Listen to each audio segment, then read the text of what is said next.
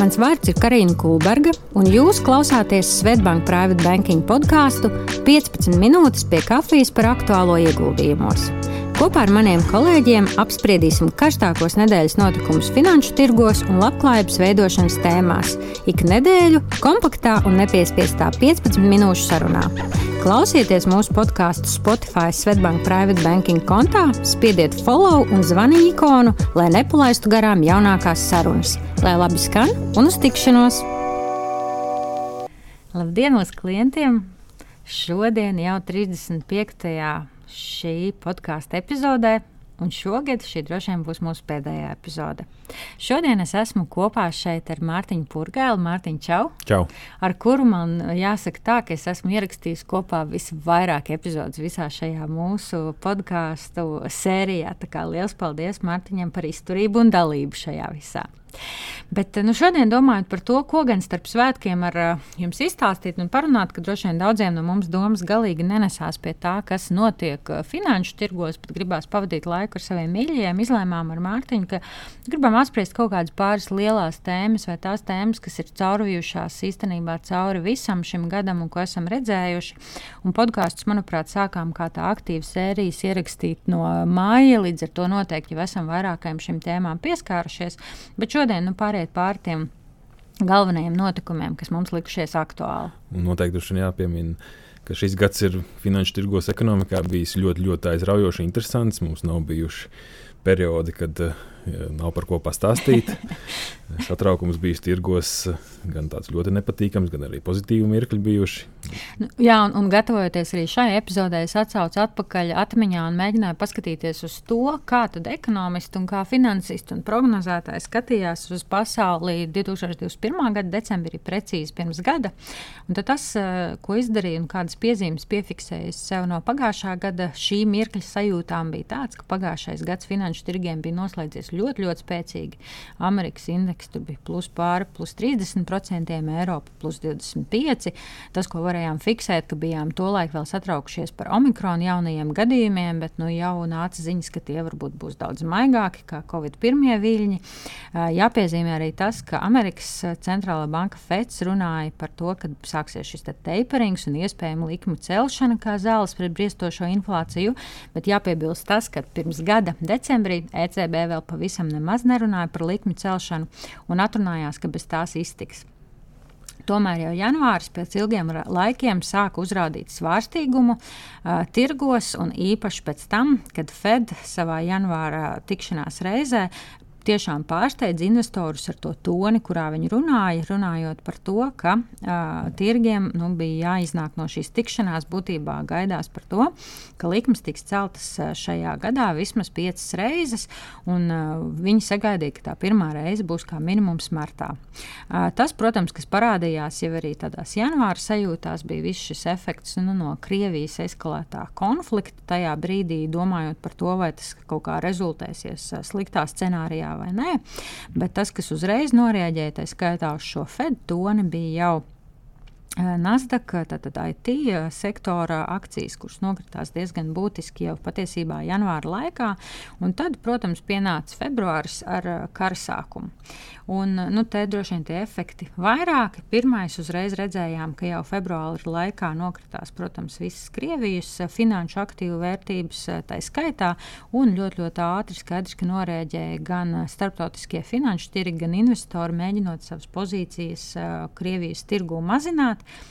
kā jau esam arī citos epizodēs pieminējuši, tādos izteikti lielos stresa brīžos redzējām, ka nekavējoties pieaug arī februāra laikā go, uh, tirgus, uh, tirgus cena vismaz par 6,2%.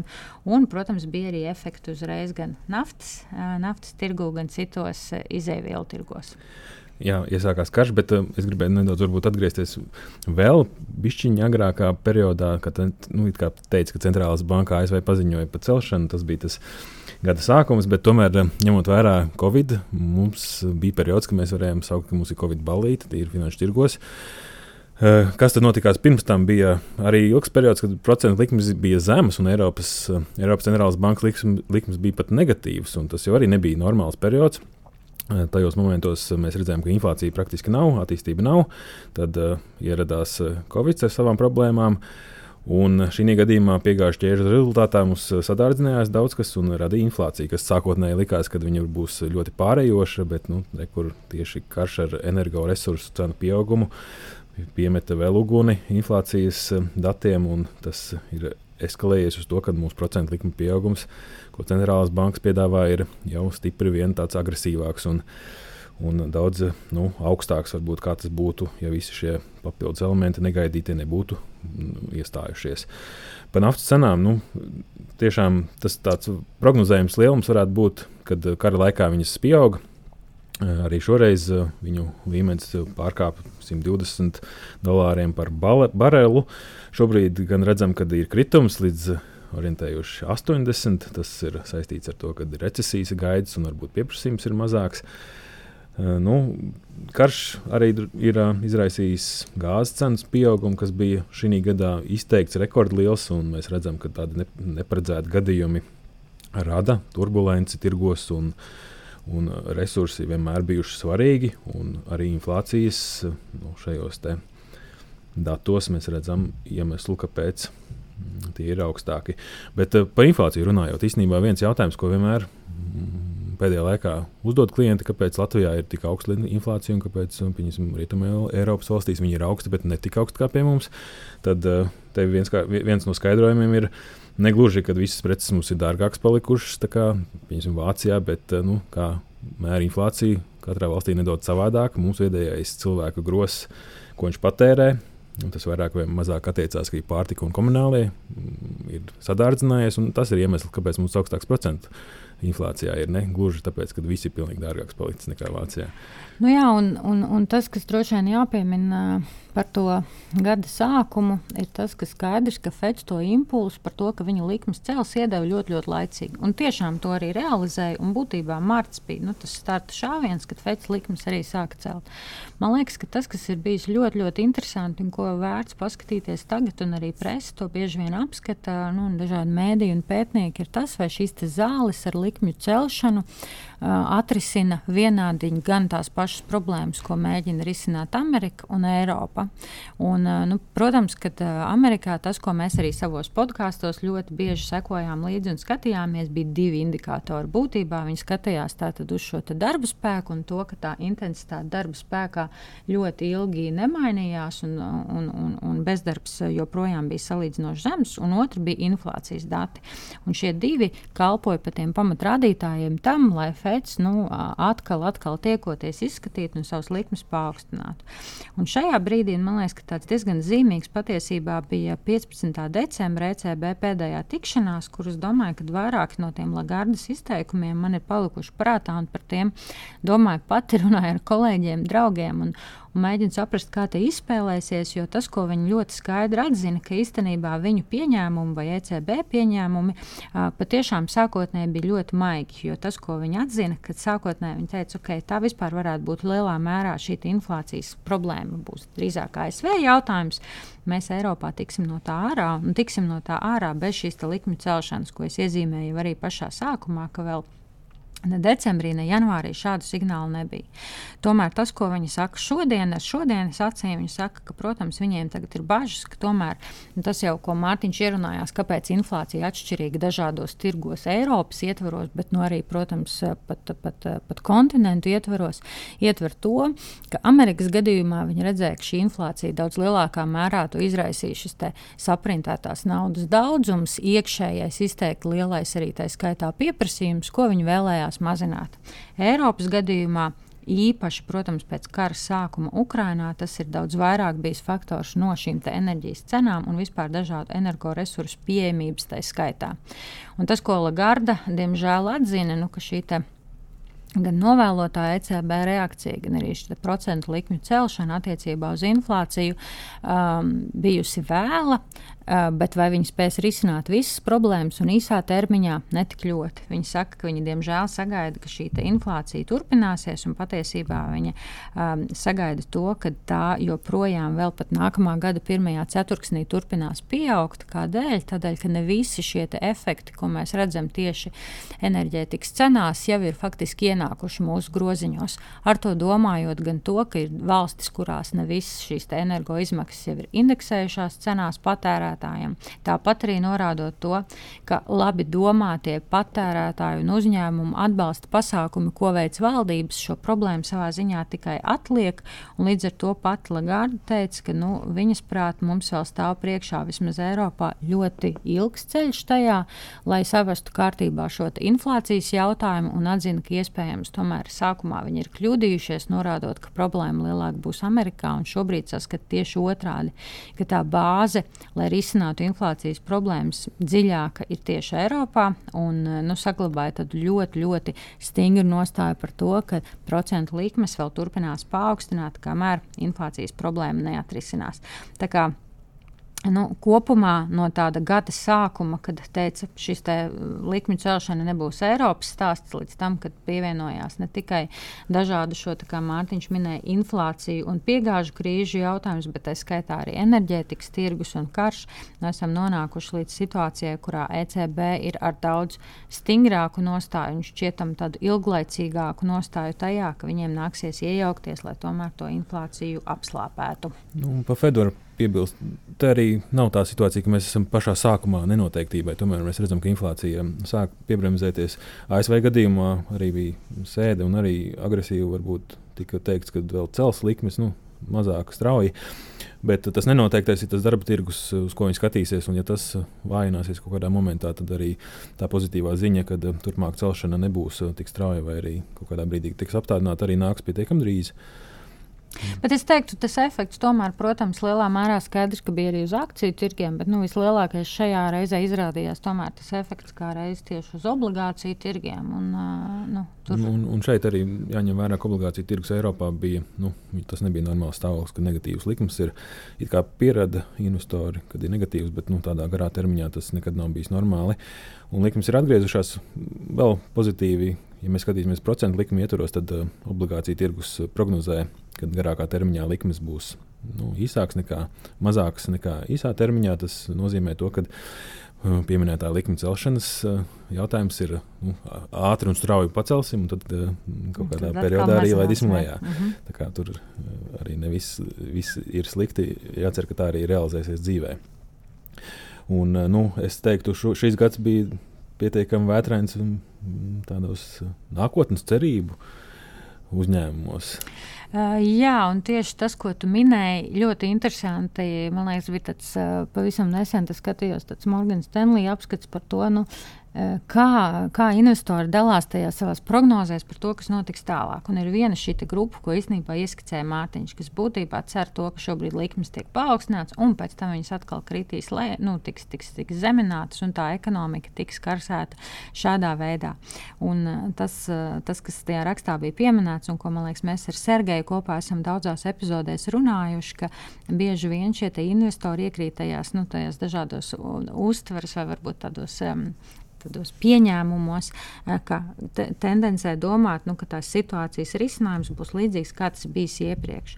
Un, eh, jāsaka tā, ka, protams, šajā iepriekšējā tirgus ciklā, kurā bija šīs ārkārtīgi zemās likmes, eh, tās ļāva nu, likt tādu lielāku uzsvaru tieši uz šiem izaugsmas uzņēmumiem, kuriem iespējams nebija tik spēcīgas naudas plūsmas šobrīd, bet kas solīja ar lētu aizņemtu naudu, izveidot jaunas tehnoloģijas, atrast jaunus tirgus tirgus. Mēs esam diezgan daudz par tādiem runājuši arī iepriekšējos podkāstos, ko vēl vairāk savā ziņā eskalēja šis Covid laiks, nu, domājot, ka tāda jaunā pasaules kārtība ar tādu izteiktu digitalizāciju, ar šo pieejamo naudu un klientu paradumiem būs mainījusies uz visu laiku. Un tie vinnētāji lielā mērā tiešām bija šīs izaugsmes akcijas, akcijas ASV, nu, kur ir ļoti daudz, protams, visizteiktāk šie tehnoloģiju uzņēmumi, un, nu, un, un tie bija tie uzvarētāji. Ja? Bet tagad tas lielais jautājums arī, ko uzdot tā skaitā šis Morgan Stanley pārskats, ir tas, vai tiešām turpināsies laiks, kad nu, būs tur, turpināsies vēl tas pats, kas bija iepriekš, ka tās zāles būs tādas, ka šobrīd likmes tiks paceltas un kaut kādā brīdī viņas mazinās mazinās, līdz ar to dodot atkal iespēju izaugsmas uzņēmumiem, vai šis laiks ar augstajām likmēm tomēr turpināsies un turpināsies ilgāk, un tad lielāks uzsvers būtu jāliek uz tādu ekonomikas izaugsmi pēc būtības, kas varētu bāzēties gan uz to, kā uzņēmumi ieguldīs, lai tiktu galā ar šo deglobalizācijas efektu, starp citiem faktoriem, arī ar dažādiem ilgspējas izaicinājumiem, bet būtībā šie kapitāla ieguldījumi atkal būtu vērsti uz to, lai nu, pierādītu, ka tā naudas plūsma aiz kapitāla ieguldījumiem ir īsta un tā nav jāgaida pārāk ilgu laiku. Un šajā gadījumā nu, tas varētu nozīmēt tādu uzvaras gājienu, atgriešanos atkal varbūt tādiem garlaicīgākiem uzņēmumiem, kuri varbūt nepie, nemēģina pierādīt, ka izaugsme tuvākajos gados būs mērāma vairāku ciparu uh, pieaugumā, bet tā būs tāda mērenāka, bet tomēr balstīta uz konkrētām naudas plūsmām. To mēs patiesībā jau esam tam pierādījumu redzējuši arī šajā gadā, kad viena no augošākajiem bija tādi nosacīti garlaicīgie tiešām uzņēmumi tādos sektoros kā plaša patēriņa preces, tādi, nu, kas ir komunālie pakalpojumi, tā tālāk, kas arī šajā gadā ir auguši pietiekami, pietiekami veiksmīgi un pietiekami labi. Redzēs, kā tas būs uz šo brīdi, kad mēs ierunājam šo podkāstu, un atkal tas var mainīties ārkārtīgi, ārkārtīgi ātri, bazējoties uz dažādām jaunajām ziņām. Iznākušas ziņas, ka, piemēram, Amerikas patērētāju pārliecība ir krietni pieaugusi pēc tā, ka tā ir bijusi rekordzemos līmeņos pēdējo mēnešu laikā. Tā atkal sāk kāpināties un augt. Patērētāji plāno tuvākos atvaļinājumus, jūt, ka lēnā garā inflācija piebremzējās tas, kas gan ir apstājies, ir apstājušies lielā mērā šie lielie ieguldījumi. Un, protams, par nekustamo īpašumu tirgu mēs esam daudz runājuši un to efektu, kas ir no šīm paceltajām paceltajām procentu likmēm, bet tas, ko patērētājs saredz, ka viņi grib uh, pirkt mazākas lietas, turpināt tērēt, varbūt neieguldīt tajās lielajās, bet lai dzīve turpinās.